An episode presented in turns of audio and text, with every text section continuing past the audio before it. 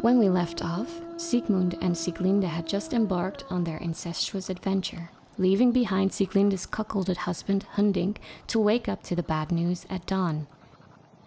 We've since walked several miles from the forest of Hunding's hut and are now at the base of a mountain where the couple's father spends his time. Wolf, as they called him, or Wotan. Odin, god of contracts and bad weather. It is a new day at high noon.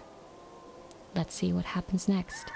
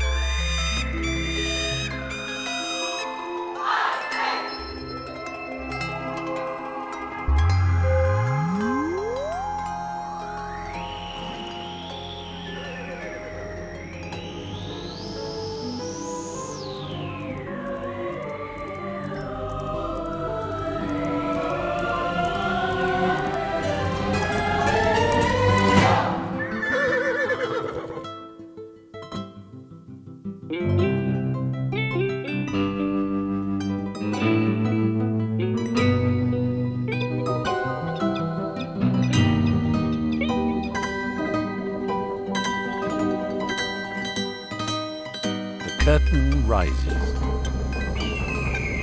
A wild, rocky place. In the background, a gorge slopes from below to a high ridge of rocks, from which the ground again sinks to the front.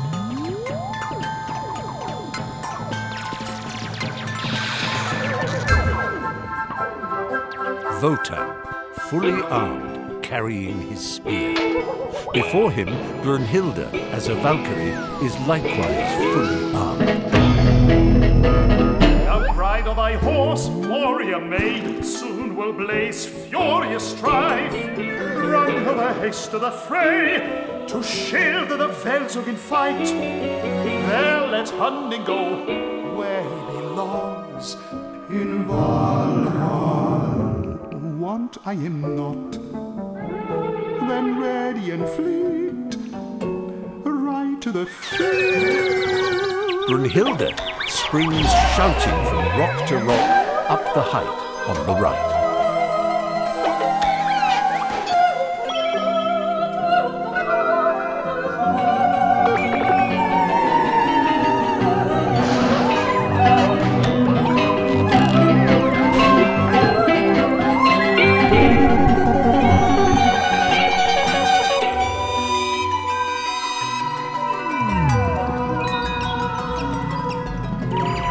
On a high peak, she stops. She looks into the gorge at the back and calls to Wotan. Take warning, father, look to thyself. Storm and strife must thou withstand. Fricka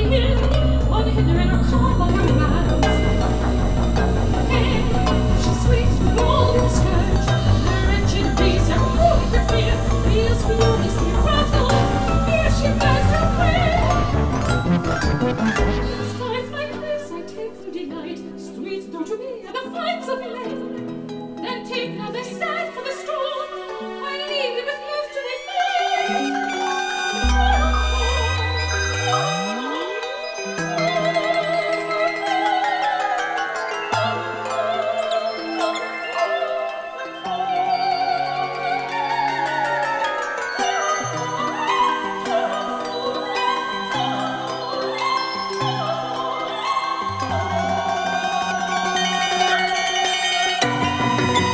Brunhilde disappears behind the mountain height at the side. Now Fricka, in a car drawn by two rams, comes up from the ravine to the top of the pass, where she stops suddenly and alights. she strides impetuously towards Wotan in the foreground. Seeing Fricka approaching him, Wotan murmurs under his The breath. wanted storm, the wanted strife. But firm, here must I hold me. As Fricka approaches, she moderates her pace and places herself with dignity before Wotan. wherein now is Wotan seems to dread his wife's arrival. What could he hear from Fricka? To find out, you'll have to tune in next time to Soft Valkyrie.